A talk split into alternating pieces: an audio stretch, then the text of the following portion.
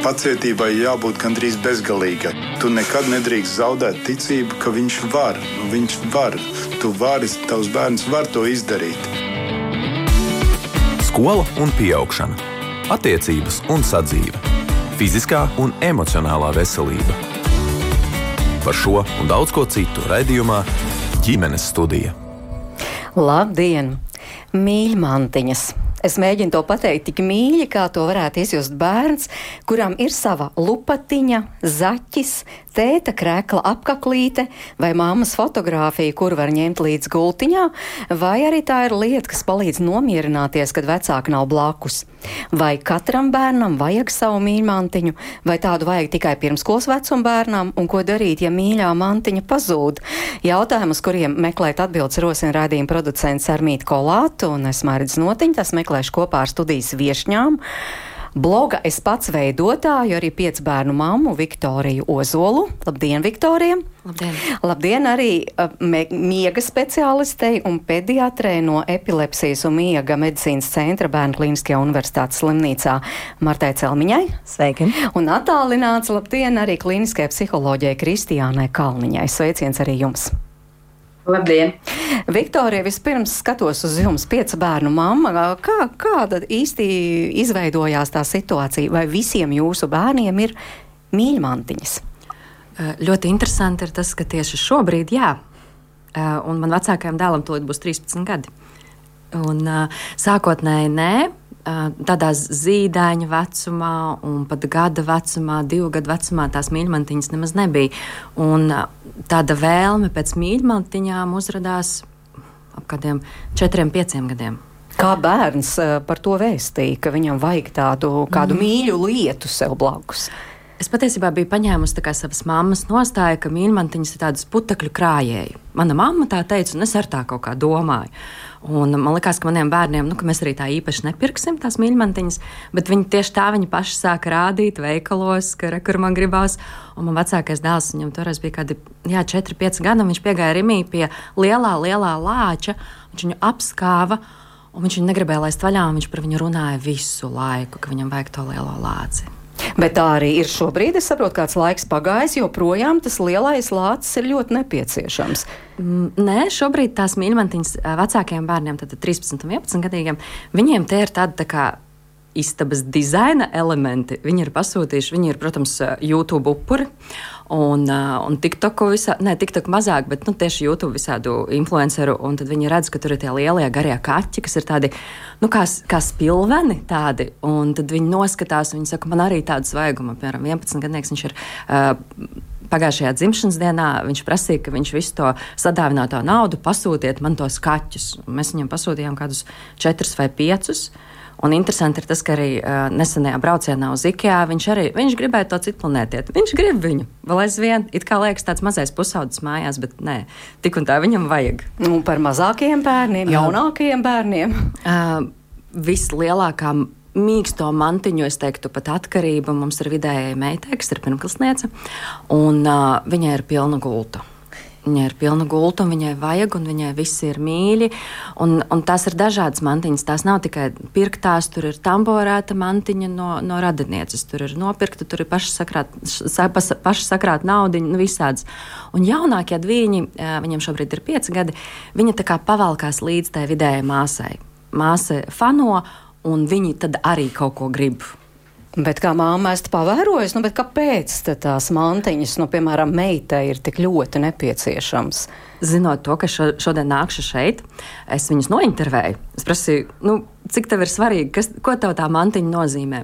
Un tad viņa sākumā teica, um, ka viņiem ir drošāk. Piemēram, man tā septiņgadīgā meita teica, ka man gultē vienā pusē pret sienu es jūtos labi, un man ir droši, bet es skatos uz otru pusi, man ir bailīgi. Un tad es salieku ar tām mantiņām, un tad, kad es pamostos, mantiņas uz mani skatās, un man tā ir drošāk. Nu, tāds lūk, Viktorijas stāsts ģimenes studijas rīcībā ir vēl kāds stāsts. To stāsta trīs bērnu mamma Tatjana.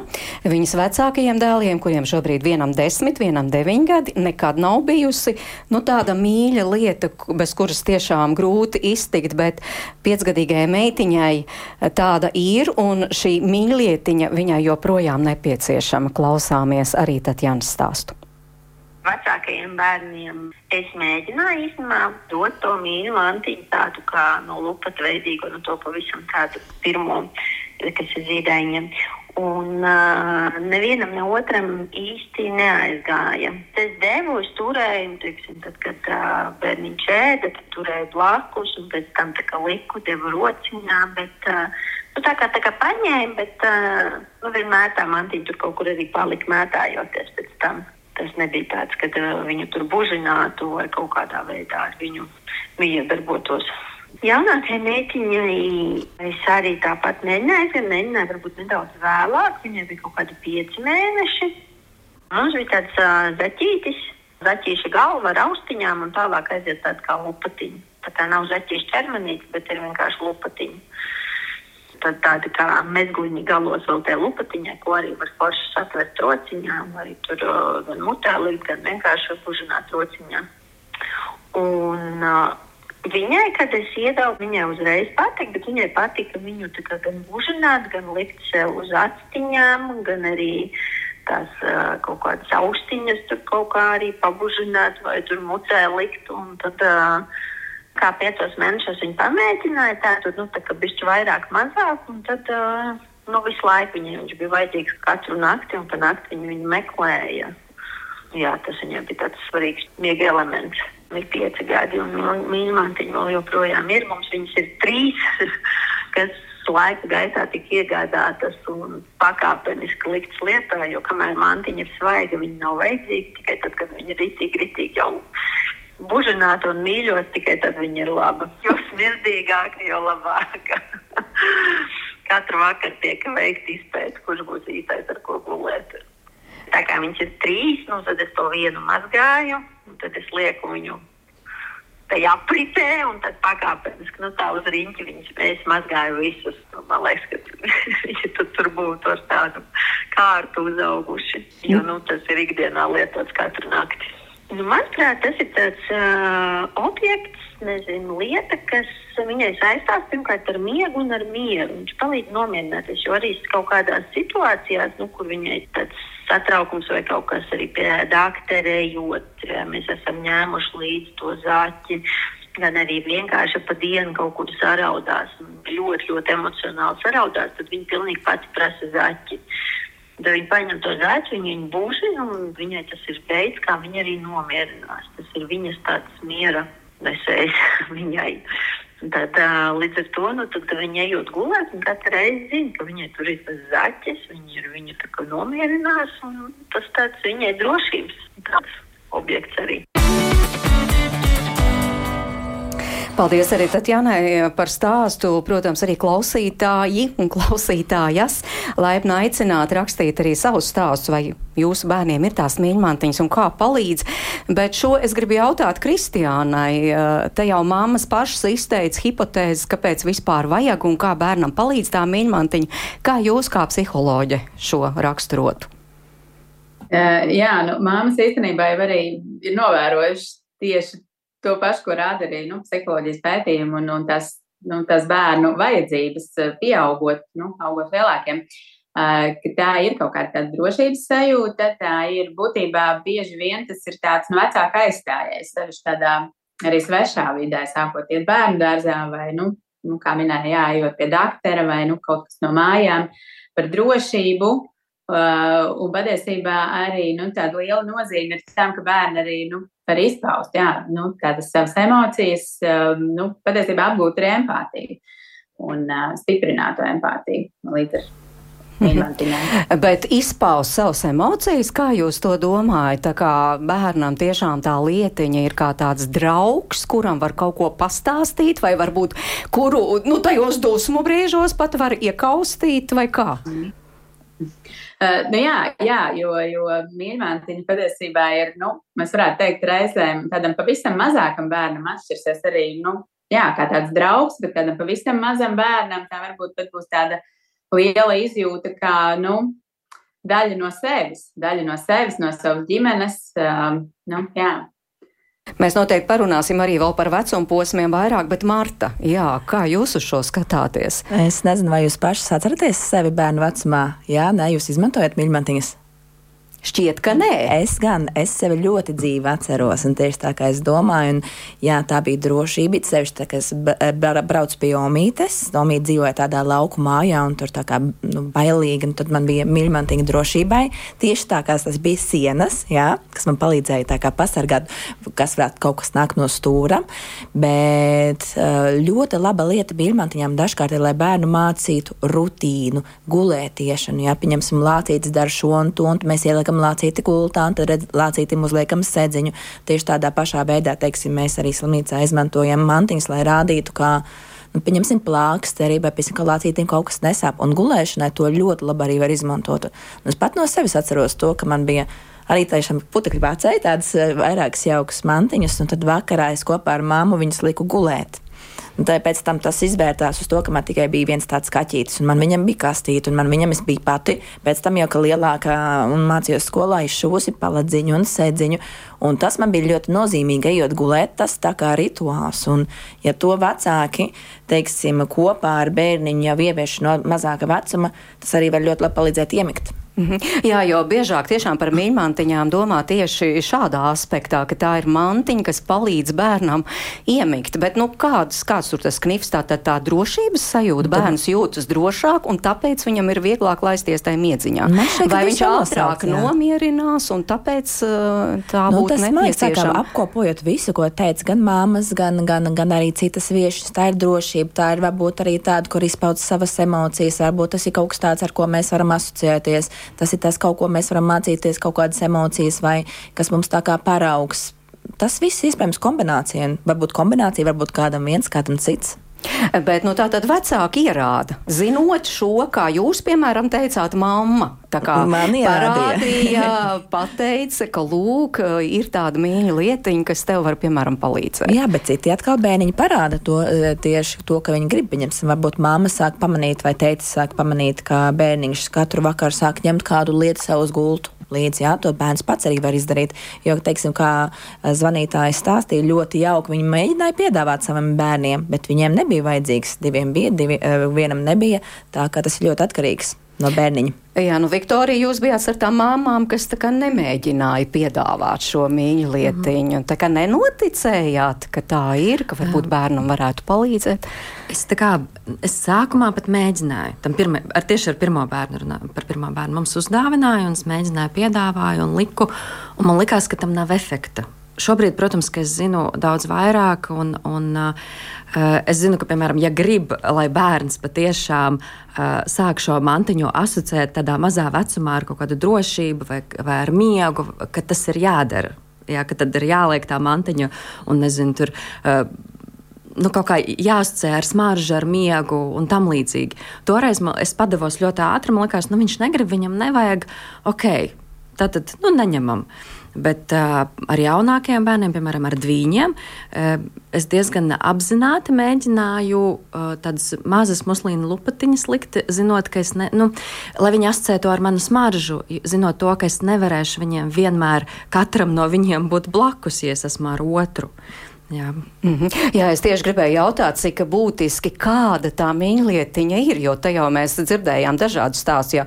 Tad Jāna stāstīja par zaķi, un es domāju, ka tur uzreiz daudz mammas iztēlojās tradicionālo, tiešām ar tādām zaķa ausīm, un tad tāda kā sedziņa ar, ar mezgliņiem. Tad eh, jūs te runājat par muslīnu lupatiņām, un tieši par to smaržu. To es arī lūkšu vēl pakomentēt, kāpēc tas tik būtiski. Jā. Kāpēc tas tik būtiski? Um, lai sajūtu mammas smaržu. Ja viņam drošība asociējās ar to, ka viņš droši pie manis aizmieg, tad es uh, gribēju, lai tā mazā lupatiņa asociējās tieši ar manu smaržu. Bet tā pirmā, tieši ar to pirmo bērnu, tā bija ļoti, ļoti klasiska. Jā, mums bija tā galva ar to, ar to ķermenīti kā lupatiņā.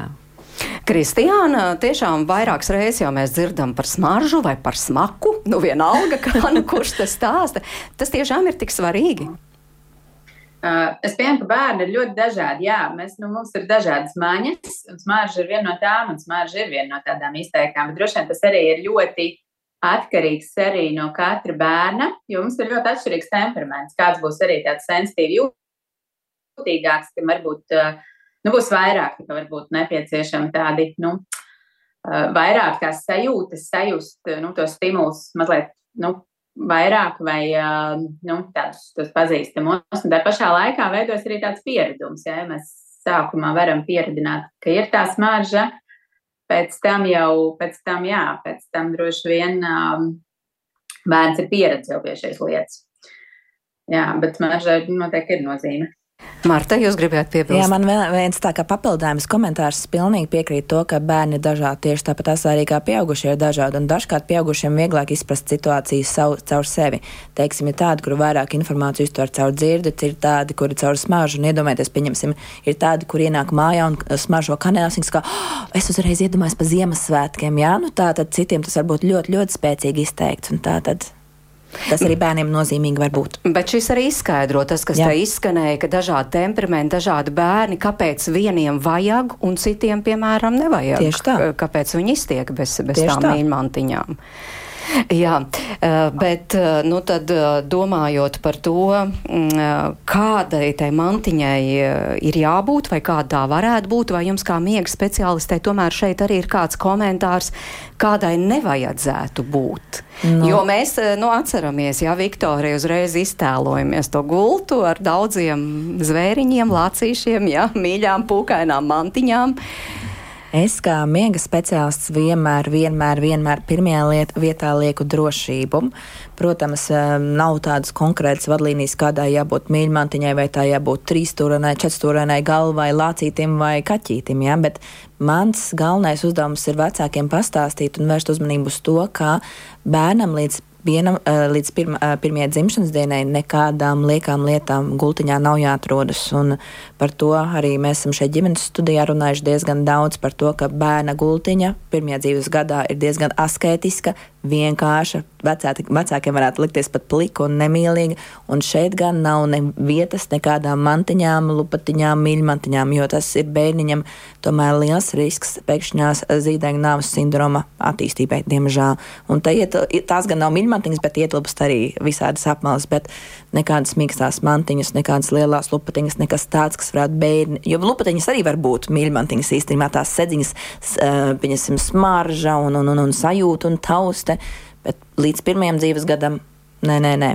Bet pat, ja tam bērniņam tā mantiņa palīdz nomierināties, un pat, ja tā mīļā lietiņa ir, kā, piemēram, Viktor te, Viktorija teica, tur, es nezinu, muslīna lupatiņa, jā? Jā, muslīna lupatiņa. Jā, jā, jā, nu, nomierināties brīnišķīgi, bet gultiņā pēc tam tā nevajag atrasties. Nu, vienīgais Iespējamais, varbūt izņēmums, es varētu teikt, tāda neliela, ļoti, ļoti minimāla lupatiņa, kas ir ļoti stingri pie, piestiprināta pie māneklīša. Ja, teiksim, arī ja bērniem ir māneklīts nepieciešams, un tad, kad bērns jau tuvojas vienam no 12 mēnešu vecumam, vecāki neredz sāk uztraukties par to, ka bērns lieto knupīti, un tad sakodiens būs slikts un tam līdzīgs. Un šajā gadījumā ļoti labi tieši palīdz mīļlupatiņas piestiprināšana pie knupīša, jo bērns jūt knupīti, viņš uzreiz arī taust mīļu lupatiņu, un vēlāk vecāki var knupīt noņemt, bet atstāt mīļu lupatiņu. Bet šeit atkal jāņem vērā tas, ka pirmkārt pirmajā dzīves gadā šī lupatiņa nedrīkst būt pārāk liela, lai bērniņam grozoties es situ pret koku, ja um, bērniņš neietītos šajā lupatiņā un nenožņauktos, jo skatoties dažādus datus, teiksim, no 90. gada līdz 2016. Uh, gadam ASV ir pētīt bērnu nāves iemesli. Lai gan zīdaiņa pēkšņās nāves sindroms ir samazinājies trīskārtīgi no 140 eh, gadījumiem uz 100 tūkstošu dzimušiem bērniņiem, no 140 uz kaut kur 30, 40, tomēr pēkšņi eh, nāve netīšām nožņaudzoties vai nosmokot ir pieaugusi astoņas reizes no trīs gadījumiem 1990. Eh, gadā uz kaut kur 24 gadījumiem 2016. gadā. Tātad šī lupatiņa, mīļmantiņa noteikti, ja, ja mēs tādu liekam pie māneklīša, nedrīkst būt pietiekami liela, lai bērniņš kustoties, satītos, nožņauktos, un nebūt, nedrīkst būt arī tik maza, lai bērniņš, teiksim, iebāžot to mutē, aizries. Tā kā tas ir nu, ļoti, ļoti tāds nu, svarīgs. Šis aspekts, aspekts ļoti, tiešām ir ļoti. būtisks un tiešām šobrīd arī daudz par to runā, tāpēc Jā. arī ir svarīgi par to atcerēties. Bet uh, Kristiāna te Marta pirms brīža salīdzināja knupītis, mīļmantiņa kaut kādā ziņā jau uh, šīm divām lietiņām bērna dzīvē, tāda mazbērna dzīvē ir, ir līdzīga nozīme. Tā tad palīdz nomierināties, vai tomēr tur tas, tas darbojas atšķirīgi? Um, droši vien, ka nē, nu jā, kā jau, kā jau jā, kolēģi minēja, patiesībā stāsts ir par, nu, mīļmantiņa vai, nu, kaut kas, ko mēs uzskatām par mīļmantiņu vai, nu, tā drošā lieta, svarīgā lieta var būt gandrīz jebkas, un reizēm mēs varam novērot, ka bērni patiesībā nu, atrod paši tādu, tādu lielāku bērnu staigājot pa māju. Nu, tas var būt, nu, es nezinu, dzobirstīgi mīļākā pēkšņi, uh, kur viņš nesā līdzi varbūt, un kur ir svarīgi paņemt blakus gultiņā vai nesāt līdzi somā. Um, tā kā jā, visticamāk jau nu, tas princips būs ļoti, ļoti līdzīgs. Nu jā, bet vai, vai knupītis, piemēram, veids to pašu funkciju, ko mīļmantiņa? Nu, tas knupīts, ko ieliek bērnam mutē, vai, vai tā mantiņa, ko noliek, pieņemsim, viņām blakus, vai tas veids vienu un to pašu funkciju? Uh, veids, bet droši vien mēs arī labi zinām, nu, ka knupītim ir kaut kāds laika limits, viņam ir kaut kāda funkcija noteiktā vecumā, kad, nu, vien, ka mēs gribam atvadīties tie bērni, kas lieto knupīti, ne visi bērni lieto knupīti, tad tā mīļmātiņa var būt arī tāds, nu, vai kas cits, kas aizstāja kaut kādā brīdī arī to, kā mēs varam atradināt. -hmm. Marta? Jā, es piekrītu, nu, ka topītis arī var būt tikpat labi. Tā mīļmantiņa kaut kas tāds, ka kaut vai nav jābūt mutē un nav jābūt šīm zīšanas kustībām. Varbūt tādi bērniņi, kuriem vienkārši patīk arī turēt knopīt.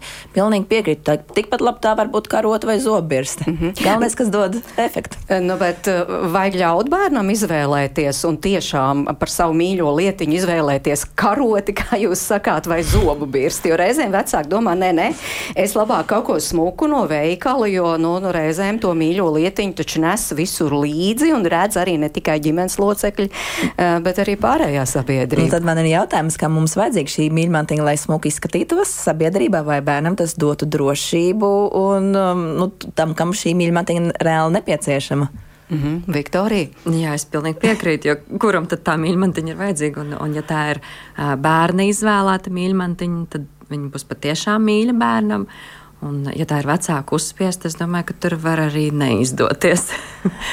Mums ir bijuši, uh, visu kaut ko ir bērni ņēmuši līdz gultā vakaros. Mums ir noteikums, ka tu nedrīkst ņemt cietās mantas, nu, lai viņi neguļ gluži ar kluci un, un zobenu un, un lego klucīti, kas var vienkārši pamodināt, tad, kad viņi naktī grozās.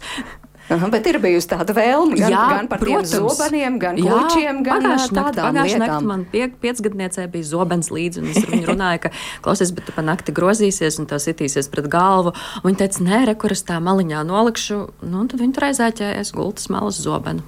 Mm -hmm, jā, nu, te tieši arī es vēlētos piebilst no savas kaut kāda agrākas, agrākas pieredzes, kas bija bērns um, par to, vai bērnam izvēlēties pašam vai to, ko kāds cits iedod. Es atceros, ka man radinieki uzdāvināja neatceros kaut kādu mīļu uh, lietiņu, un viņi tā kā ļoti vērs man uzmanību, ka tā būs mīļa mantiņa. Man tagad šai mantai ļoti jāpatīk. Un man kā mazam bērnam izstrādājās vainas sajūta un pienākuma sajūta par to, ka nu, ne jau es pat izvēlēšos tos, to, kas man patīk, bet man ir. Jā, jāmēģina sev iestāstīt, ka man šī lieta patīk un ka man šī lieta jāpieņem un jāmīļo tikai tāpēc, ka tas pieaugušais cilvēks tā grib. Tad, ko mēs, es domāju, ka psihologs ļoti labi varētu pastāstīt, kas var notikt pēc tam. Kristiāna. Jā. Jā, nu droši vien tas, ka mēs uzspiežam vai, vai gribam pierunāt, nu, tā ir atkal tāda atšķirība, jā, kā mēs to darām. Man uzreiz nāk prātā, nu, varbūt, jā, nu, bērns, kuram varbūt, nu, nav tā mīļmantiņa, ka mums ir varbūt kaut kāda dzīves situācija, kur, nu, tagad viņam vienam ir jādodas uz bērnu dārstu pirmo reizi vai, nu, kaut kur vienam jāpaliek, nu, kur viņam pieskatīs kāds cits, nu, kādā situācijā, kādā, kas ir apdraudoša. Nu, mēs jau, protams, varam pasniegt arī kā kaut kādu nu, tādu, nezinu, to pašu zobenu, ja, kurš būs drosmē līdzi vai, nu, vai, vai vienalga, nu, ka, ka šis būs, būs tā mīļā lieta. Tas ir tas, kā mēs to pasniedzam. Jā, nu, tajā droši vien brīdī, kad kāds vēlas, nu, lai tā manas dāvinātā manta ir mīļa. Nu, um, nu, jā, tur jau droši vien kopumā vēl mēs varam skatīties nu, par attiecībām. -hmm. Jā. Jā, tieši tas bija ļoti labs piemērs došanos uz bērnu dārzu. Uzreiz man prātā nāk arī mūsu slimnīca, un teiksim, par to zobenu, kas palīdzēja aizstāvēt. Un tā, un tad pēc mums slimnīcā ir tāda drosmes kaste. Tad, kad bērni nāk pie mums uz slimnīcu, teiksim, viņiem ņem analīzi vai kaut ko citu dara, mēs viņiem iedodam to kastu un ļaujam izvēlēties kādu mantiņu, kas tā kā arī palīdz nu, varbūt tā nav klasiskajā izpratnē mīļmantiņa, ko ņem gulēt, bet palīdz šī mantiņa pārvarēt sāpes. Vai arī, teiksim, ja kāds vecāks dodas uz slimnīcu ar bērnu, tad es iedrošinātu paņemt līdzi tieši savu mantiņu, jo, teiksim, ja ir jāmāc kaut ko darīt, piemēram, skatīties, kā lietot inhalācijas, vai, vai pieņemsim, kā uzlīmēt plāksteri, tad mīļmantiņa var būt mī, lielisks līdzeklis, kas to palīdz iemācīties un saprast, ka no tā nav jābainās. Jo, ja, pieņemsim, man zaķis var inhalēt medikamentu vai lietot tiešām šīs inhalācijas, tad arī es to varu. Nu jā, tā kā varbūt bērns pats pat var tā mēģināt zaķim kaut Tieši ko tā. tādu izdarīt, šādu procedūru, jā, un pēc tam pašam vieglāk. Jā, Viktorija. Es, es tik, tagad, run, kad es klausos, ko runā, tad es atceros, jā, mums taču arī pie zobārsta bērni iet pa lēgdamies, tāpēc, ka tur arī ir tās kastes, kur beigās pēc, protu, pēc procedūras var izvēlēties kaut kādu mantiņu. Šī gan ir šis ir drusku cits aspekts, jā. protams, jā, bet viņi tāpat tās tur ir tā mantiņa. Bet uh, par mīļmantiņām mums tiešām mums ir viss kaut kas bijis. Uh, par bērndārziem runājot, ka mums ir bijis, ka kabatā ieliek kastani uh, un iebāž roku kabatā, un tad, kad tā paliek skumīgi, tu iebāž roku, uh, roku kabatā un sajūti to kastanīti un atceries, ka, nu, ka tu esi drošībā. Nu, pat tā ir bijis. Mēs turpināsim šo sarunu.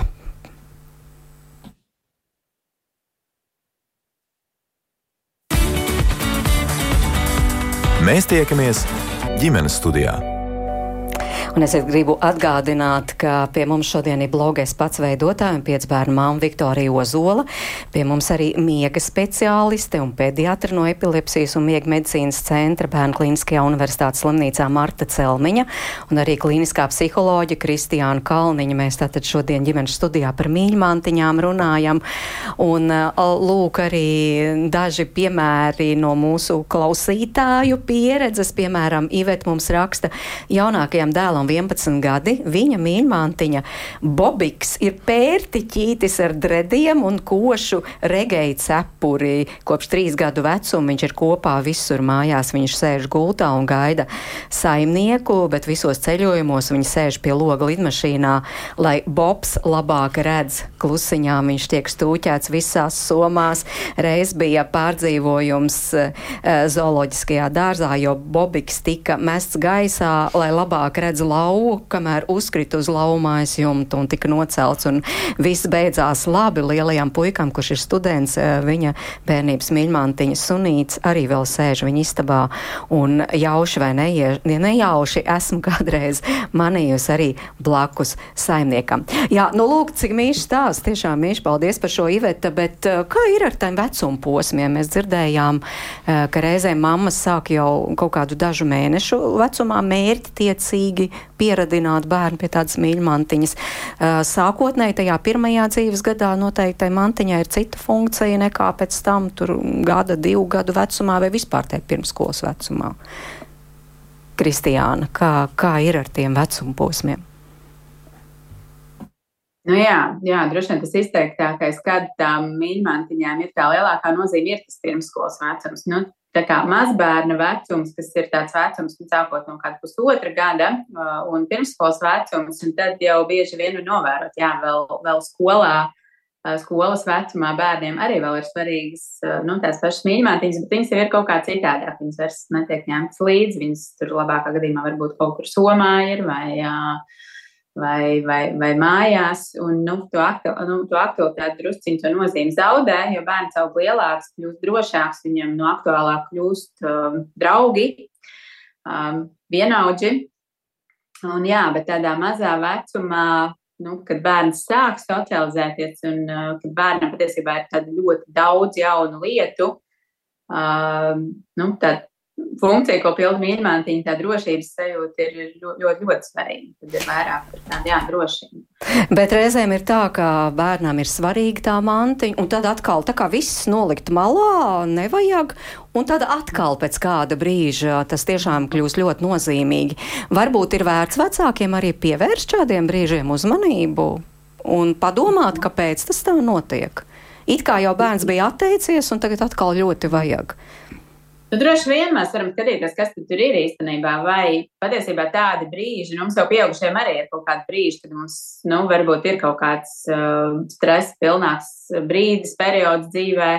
Uh, tad arī mēs varbūt nu, jūtamies vairāk tādi ievainojumi, mums vairāk ir vajadzīga tā drošība, un kas ir ļoti dabiski. Un arī bērnam tāda brīža ir, un tā ir daļa no dzīves. Protams, ka ja mēs tā izteikti novērojam, varbūt tādu izteiktu pieķeršanos, un, nu, kas, nav, kas nav bijusi, varbūt tad, nu, pazīstot savu bērnu, mēs varam sākt pievērst uzmanību un varbūt analizēt, kas tur īsti notiek tajā šobrīd. Mm -hmm, Marta, Varbūt kaut kādā ziņā ir uh, vērts pa paskatīties, kā bērns darbojas ar to mīļmantiņu. Jā, es, jo mazi bērni jau nereizēm uh, var vispār izstāstīt, kā viņi jūtas un kas īsti notiek. Un šādā veidā arī ar mīļmantiņām dažkārt var palīdzēt noskaidrot, kas noticis, teiksim, parādu vai kur sāp vai kaut kas tam līdzīgi, kaut kas notika, izspēlēt kaut kādas uh, situācijas tieši izmantojot šo mīļmantiņu. Un tas arī ir tas arī man liekas viens no tādiem psiholoģijas veidiem, kā noskaidrot, kas bērnam kaiš. To slimnīca arī izmanto. Bet, jā. Viktorija, kā mamma, esat izmantojusi, pavērojusi kādreiz, kā, kā tur bērns darbojas ar to mantiņu? Kā tieši darbojas, vai kuros brīžos? Vai kuros vairs... brīžos tieši tā mantiņa ir jā, ļoti vajadzīga? Es neesmu tā ļoti ievērojis, ka ir kaut kādi brīži, kad ļoti nevajag, vai kad atkal ļoti vajag. Mums laikam tā kaut kā diezgan uh, vienmērīgs tas gājums ir bijis. Bet uh, ar spēlēm gan, jā, visu kaut ko var, uh, gan esam mērķtiecīgi kaut kā mācījuši kaut ko, piemēram, gaidīšanu rindā. Saliek savus visus tos zvērus rindā un mācās, jā, re, kur nav vēl tava kārta. mm -hmm. jā. Nu, bet jūsuprāt, ir kāds brīdis, kad nu, viss nevajag? Nu, vajadzētu tiešām nolikt to mantiņu, kā tas ir, piemēram, līdzīgi ar knupīti, ka kaut kādā zināmā vecumā tas jau ir nu, vairs nepiedienīgi, nepieklājīgi. Es neredzu tajā neko tik sliktu, lai tas būtu kaut kā vecāku uh, vadīts process, ka, nezinu, ka tagad redz, uh, tev ir, nezinu, 14, 15 gadi, vajadzētu tā kā šito lāci mest ārā. Nē, ja bērnam tur ir kaut kāda sentimentāla nozīme tai mantai, uh, tad uh, lai viņa ir. Viņš jau kaut kā atteiksies. Nu, varbūt droši vien nebūs pilna gulta vairs, bet varbūt būs viens mazais lācīts, kas ir svarīgs. Nu jā, viena lieta, ja ir gultā, otra lieta, ja pieņemsim ņem līdzi uz skolu, varbūt tas ir citādāk atkal. Nu, bet ja kādam cilvēkam tas tā kā drosmes talismans vai kaut kas tiešām tāds, tāds, tāds sirdī tūs, tad, tad, tad tas, man liekas, tāds, tāds ļoti dziļi personisks jautājums, kurā mirklī tas beidz būt svarīgi, jā, jo, teiksim, ja lielākam lielākoties šīs mīļmantiņas kaut kā tīri dabīgi, nepieciešami pēc mīļmantiņas kaut kā tīri dabīgi beidzas. Kaut kādā mirklī nav konkrēta vecuma, tik un tik gados vajadzētu, tik un tik gados vairs nevajadzētu. Tieši tāpatās, kā teiksim, ar citiem miega jautājumiem. Bet, ja ir tāds bērns, kuram arī jau ir teiksim, katru dienu uz skolu gribas ņemt, vai vidusskolā nepieciešams iet uz vidusskolu un sev noliekt mantiņu uz galda, tad drīzāk tas būtu tā kā tas zvans vecākam, lai mēģinātu izprast, kāpēc tas ir nepieciešams. Un varbūt mēģināt tam, tam tā kā meklēt risinājumu. Lai gan nevienmēr tas ir, protams, arī slikti. Es ceru, ka man, man māte man nenositīs, bet padalīšos ar viņas stāstu. Viņai bija mīļmantiņa zaķītes, kuru, diemžēl, kad viņa bija maza, Viņas sētas bērni ļoti apbižoja un sarāva gabalus un tā, un tam zaķītim.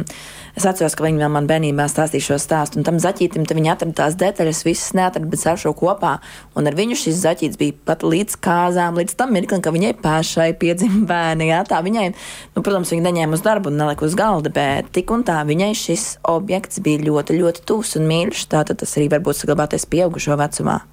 Jā, un tas tiešām ir tik svarīgs reizēm, ka pat uzņemts filmas un pat grāmatas ir uzrakstīts par to brīdi, ka šis mīļais zaķītis vai mīļmantiņa bērnam pazūda, cik liela sāpe tā ir. Mums arī Edīte par to raksta. Man ļoti aizkustina, ka līdzcilvēki iesaistās, lai palīdzētu atrast bērnu pazudušās mantiņas. Retvīto sludinājums, raksta paši sludinājums, ka atraduši gan jau kādam mīļu lāci. Mums pašiem dažreiz no ratiem izkrīt mīļi mīļā lapsēja meklēt jau nedaudz izmisusi, bet vienmēr to kāds ir pacēlis un nolicis uz kādas palodzes, tad man ir sajūta, ka mēs te esam tomēr empātiska sabiedrība. Es tā tikko padomāju pēc mūsu sarunas, cik ilgi drīkst lietot, cik ilgi nedrīkst. Um, es domāju, ka mums pieaugušiem jau arī bieži vien mīļākais, teiksim, ķēdīt mīļākā vai kaut kāds talismaniņš vai, vai kaut kāds piekariņš, ko atstāja vecmāmiņa vai māma. Tas jau tas pats arī beigu beigās ir, tikai tā nav mīksta piebāzta rotaļlieta, tas ir kaut kāds iespējams mazāks objekts, ko mēs kā pieaugušie uzskatām par sociāli pieņemamu. Un es domāju, ka nereti, nereti e, cilvēki pieaugušiem. Man arī, piemēram, ir gradzens, mans mīļotais gradzens, kurš lielāko e, gandrīz katru dienu velk, un es to gradzenu neuzvelku, tad man tā dīvaina sajūta. Tas man asociējas ar manām draudzenēm un vidusskolu. Bet Viktorija ir kādreiz gadījies, ka pazūd kāda no tām mantiņām bērnam. Um, un tad, tad tiešām tā sāpe tik liela ir. Uh, mums bija viens sunītis, kuru sagrauza sunītis. mums bija, tad, kad mūsu suns bija kucēna vecumā, tad jā, vienu mantu viņš nozaga, sagrauza. Mēs uh, centāmies to atjaunot. Es centos to atjaunot sašujot, bet, protams, acis vairs nebija tās. Un, un, jā, tā bija diezgan liela traģēdija bērnam. Bet, um, nebija arī tāds uzstādījums, ka viņi zināja, kur mēs viņu pirkām. Un no meitas puses nebija tāds uzstādījums, ka mums ir jāskrien, jā, jāpērk jauna. Pat no viņas nebija tāds. Jo šis sunīts ir tas, kurš viņai ir mīļš. Un, nu, jā, es vienkārši biju blakus un mēs kopā paskumām par šo situāciju. Bet ko jūs stāstījāt meitai? Nu, ka, cik, cik arī man ir žēl un ka viņai ir žēl. Un, un, es pat necentos to vērst kaut kā, vēl kaut kā savādāk uz labu. Uh, jo nu, sašuvām kādu mācējām, nu, mēs izmantojam to iespēju kā mācīties, nezinu, sērot. Jā, spēcīgs vārds, bet, bet viņai tā, tās bija spēcīgas jūtas. Mēs kopā pārdzīvojām. Jā, es viņu samīļoju un teicu, ka jā, man arī ir ļoti žēl, ka tā ir noticis. Un sērs ir pilnīgi dabīgas emocijas, tā kā bieži vien arī Um, vecāki arī saka, es tikai negribu, lai mans bērns rāda, bet saku, tās ir dabīgas emocijas, tās mēs visi piedzīvojam. Ja mēs mēģinām tās tiešām, kā teica, uh, vērst par labu vai kaut ko tam līdzīgu, tad tas arī, man liekas, bērnam rāda, ka šīs emocijas nav normālas un viņš tās nedrīkst izjust. Jā, ar šo piemēru, lai gan tas bija sāpīgi, tas bērns saprot, ka šī ir daļa no daļa dzīves. No dzīves jā. Jā. Mm -hmm. Kristiāna, kā jūs kā psiholoģi teikt, jo tiešām eh, ne tikai bērns ir satraucies reizēm, vecāki pat ir vairāk satraukšies par bērnu, ka mīļā mantiņa ir pazudus, ko mēs tagad darīsim.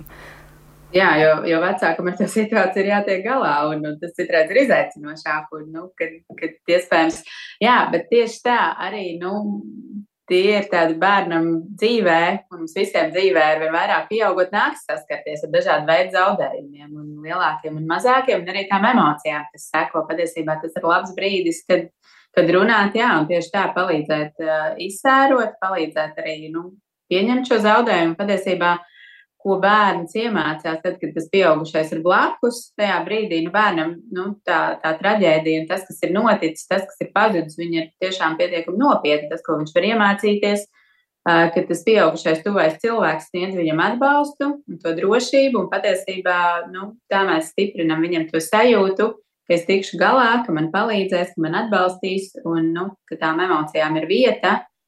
Un uh, es varu lūgt arī atbalstu kaut, kaut kad, kad būšu lielāks kādās situācijās, tad, kad man būs grūti. Un tā kā der arī vienkārši parunāšanās, tāda iejusta parunāšanās, nevienmēr ir tiešām jāskrien un druģēni jāmeklē tā mantiņa, vai ne? Jā, gribēt aizstāt, tad, kad mums kaut kas pazūd, nu, nu mums parasti gribās vai nu salabot, vai aizstāt. Nu, nu, tad, tad mēs varam skatīties, jā, un, un pētījumi arī rāda, patiesībā tiešām ir, nu, ir bijuši tādi pētījumi, kuros bērniem uh, piedāvā, nu, tā kā kopiju rotaļlietai, mantai, mīļotai, un tie bērni, kuriem tā ir tā mīļmantiņa, viņi vienmēr izvēlēsies to pašu savu veco, apbružāto um, mantiņu nekā varbūt kaut kādu to jauno. Jā, tiešām es arī atradu, ir daži pētījumi par šīm mīļmantiņām, un, piemēram, tāds viens pētījums Amerikas Savienotajās valstīs, nu, tur atklāja, ka aptuveni 60% bērnu ir šīs mīļmantiņas, viņi tātad ir pieķērušies kādai mīkstai uh, rotai lietiņai vai sedziņai, bet, nu, es domāju, savā ziņā tas varbūt arī ir tāds kultūras jautājums, uh, cik daudz, jā, vecāki uh, šo rosina, uh, bet te jau arī izskanēja, ka šīs mantiņas, šīs mīļās mantiņas bērniem ir ļoti nozīmīgas tādos grūtākos dzīves brīžos, un Kristiāna vairākas reizes, starp citu, teica par to, ka tad, kad bērns dodas uz bērnu dārzu, nu, tas tiešām ir tāds grūts brīdis tajā pirmskolas vecuma bērnu dzīvē, un tad, tad tā mīļā mantiņa ļoti var palīdzēt. Viktorija. ir bijusi tāda pieredze, ka, ka tad bērns ņem līdzi un tad ir vieglāk. Um, mums bērnu dārzos, cik mums ir gājuši bērni, ir bijusi vienmēr praksa tāda, ka viņi ņem līdzi mantiņu tieši uz gulēšanu. Ka tur nav tā, ka gluži to mantiņu nesā līdzi uh, kopā, kopā grupā ar visiem bērniem, bet tā mantiņa uh, atrodas tieši gultā, un viņi tev tur tajā gultā gaida. Uh, Un, uh, un viņi labprāt arī ņēma tās mantiņas, kas viņiem bija bērnu dārzā. Bet tā tad bērnu dārzā atļāva. Jā, ne, nebija, jo es zinu, ka ir arī bērnu dārzs, kur vispār neatļauj nekādas mm. rotaļu lietas ienest un atnest. Mums, mums ir, uh, ir mantu dienas, kad mums ir reizi mēnesī, kad ir mantu dienas, kad viņi var nest jebko. Un, uh, un at, attiecībā uz gulēšanu var ņemt vienmēr vienu mīksto mantu. Jā, tas ir atļauts. Jā. Un cik mums ir bijuši bērnu dārza bērniem, man liekas, kādi trīs vai četri mums sanāk, jā, visos ir ļauts ņemt uz gulēšanu. Bet jūs esat tā pavērojusi, citi bērni arī ņem? Es neesmu pievērsus uzmanību, jo, jo tas vienmēr bijis tāds. Uh, diezgan slēpts process kaut kā, jo ir jāiznes līdz gultē, ir jānoliek tur tā, ka ar rokās nesētu, ne īpaši laikam nē. Mm -hmm. Šo pašu jautājumu ģimenes studijā uzdeva arī Rīgas 49. pirmskolas izglītības iestādes vadītājai Vinetai Jonītei. Nu, lūk, kā tad ir 49. pirmskolas izglītības iestādē klausāmies. Mīļmantiņa ir lieta, ko adaptācijas periodā mēs atbalstam simtprocentīgi. Vecākiem nav jāslēp lietas no mums, kādas tās ir patiesībā un ģimenē. Ja bērnam emocionālā piesaistē ir mantiņa vai tēta krekla, apaklītes mazais stūris, kurš miegot ciet bērnam, būtu jāpapužina, jāpakustina marlīte. Reizēm tās ir tādas sadzīves lietas, ir bērns, kurš arī ar mammas fotografiju iet gulēt. Jo ir svarīgi šis rituāls, es nolieku blakus spilvenam un aizmiegu. Mēs viņus ņemam pretī. Ir bērni, kas pat līdz 5, 6 gadi uz dienas periodu lieto savu mīļmantiņu gultiņā. Bet jūs teicāt, jūs atļaujat galvenokārt adaptācijas periodā, vai arī jūs skatāties tiešām uz bērnu, ka ja vajag, tad varbūt pat visu bērnu dārza posmu. Neadaptācijas periodā tas ir ļoti, ļoti svarīgi, ka viņš nenodala un nemēģina iegūt jaunu vidi bez lietām, kas viņam ir svarīgas. Visu pirmsskolas periodu bērnam ir noteikti šī mīlestība un vajadzība pēc viņas. Ja viņam ir emocionāli nestabila uh, sajūta šajā vidē, kurā viņš nonāk dienas laikā. Bet nu, visādi ar tām mīļmantiņām dzirdam vecāku stāstu. Pazūd, piemēram, un tad ir liela sāpe bērniņam. Jums negadās tā? Mums gadās, ka reizēm kāds kādam paņem, nosaucot viņu par savu, bet uh, viņas ātri atrodas. Bet uh, mīļmantiņa jau ir mīļmantiņa. Un, ja mēs viņu definējam pedagoģiskajā darbībā, kā iestādē esošu mīļmantiņu, kurai ir sava atrašanās, uh, ja novietojuma vieta, tātad vai nu skapītis, vai uzreiz uz gultiņu, tas nozīmē, ka bērnam ir iespēja sekot līdzi, un var jau būt, ka viņš arī šādi mācās lietas savai dzīvei sakārtotību un šo ritmu. Tā tad ir konkrēta vieta, nevis ka bērns visu dienu nesā līdzi, bet, kā jūs sakāt, tas mums... ir vai nu skāpīts vai gultiņa. Šobrīd mums nav tādi bērni bērngārzā, kuri dienas laikā izmanto šo mīļmantiņu. Tā ir vairāk gulētiešanas atribīts, aizmigšanas drošās vidas garants. Nu, bet tad kopumā jūs kā pozitīvu šo skatāties? Jā, mums ir mīļmantiņas. Un, ja tas ir vajadzīgs, tad droši vien mūsu kā iestādes pienākums ir atbalstīt šo ceļu uz pārmaiņām, uz jaunu dienas ritmu, uz rituālu, uz vidi. Jo mīļmantiņa radās kaut kāda emocionāla piesaistes vai emocionāla vajadzību nodrošināšanas pēc. Dzirdējāt Rīgas 49. pirmskolas izglītības iestādes vadītāju Vinetu Jonīti. Tiešām nezinu, kā ir, bet, nu, Marta, kā jūs domājat, jo, kā mēs dzirdējām, galvenokārt tiešām palīdz bērnam iemigt uh, pusdienas laikā, tad, kad nav tur tā mamma un tētis blakus, un uh, ir arī tāda strikta kārtība, ka tur tad tai gultiņā vai skapītī un viss un netiek nesāts līdzi. Tieši, tieši par to es arī iedomājos, ka tas ir mans var sākties, tas ir mans vai kāds atņem vai nomet vai kaut kas tam līdzīgs, un tas ir taisnais ceļš uz sāpēm. Tā kā man ļoti liels prieks, ka bērndārs atbalsta tādas lietas, un man šķiet, ka šie noteikumi savā ziņā ir tādi ļoti bērnus un viņu mīļās matiņas pasargājoši arī tas. Jo jāmēģina atrast um, kaut kāds vidusceļš, man liekas, kas šādā veidā tas ļoti veiksmīgi tiek panākts. Bet tad jūs kā miega speciālists to atbalstāt? Nu, protams, kāpēc gan ne? Un tas ir tomēr, ja gribās, lai bērns nomierinās, jau vairāk kārt pieminēja. Uh, tikko sarunā, ka tas bērnam rada tā kā drošības sajūta asociācijas un bērnu vecumā, mazu bērnu vecumā, pirmsskolas vecumā aizmigšanas asociācija ir ļoti, ļoti, ļoti spēcīgs faktors, kas ietekmē gan nomierināšanos, gan miegu. Un tas pamazām izzūd kaut kur. Citiem divu, citiem trīs, citiem piecu gadu vecumā. Tātad, ja bērns to ņem vērā un ļauj bērnam šīs drošās asociācijas izmantot dienas laikā, tas ir brīnišķīgi. Kristiāna, tad pat vecākiem, ja, piemēram, nav šāda iespēja dārziņā, būtu vērts uh, par to aprunāties ar bērnu dārza personālu, Jā. vai ne? Jā, patiesībā tas ir nu, bērnu vajadzībām atbilstoši. Jā, un, un droši vien, ka tiem noteikumiem būtu svarīgi uh, būt tādiem, uh, nu, nevis noteikumi pēc, bet sekot bērnu vajadzībām. Un, protams, un, un, un tas nenozīmē izdebāt bērniem, bet nu, tie noteikumi ir um, nu, tādi um, pamatoti, jā, un, un, un, uh, un, un, un droši vien, ka mīlmātiņa ir no ārkārtīgi svarīga, un bērni tiešām ir dažādi. Ir bērni, kuriem arī tā adaptācija un vispār pierašana pie jaunām lietām, tas atkal temperamenta jautājums, um, varbūt ilgāka. Kāds pierod ļoti ātri, um, kādam ir vajadzīgs arī ilgāks laiks, un tā, un, un, un, un, jā, un vēl viena lieta patiesībā, atkal, ja mēs redzam, ka tās mīlmātiņas ir tāda daļa um, nu, nu, kaut kas ļoti tuvs bērnam, uh, atkal te ir tā iespēja. Um, nu, kā tad notiek tajā vidē, kur mēs satiekamies ar citiem bērniem, ar citiem vienaudžiem? Nu, pirmās tās problēma risināšanas prasmes, kurās tas pieaugušais var būt pacietīgs un būt klāt, uh, nu, un skatīties, kas tur notiek, kā mēs, kā mēs, jā, kā mēs mācām, kas ir mans, kas ir tavs, kā mēs varam palūgt, vai es drīkstu apskatīties un, un sadzīvot ar to, ka es varbūt nedodu, vai šobrīd mēs liksim nost rotaļlietu vai, vai nu, un, un darīsim kaut ko citu. Un tas arī tāds būtisks prasmes, kuras nu, var iemācīties ar tādām ļoti tuvām, bērnam tuvām lietām.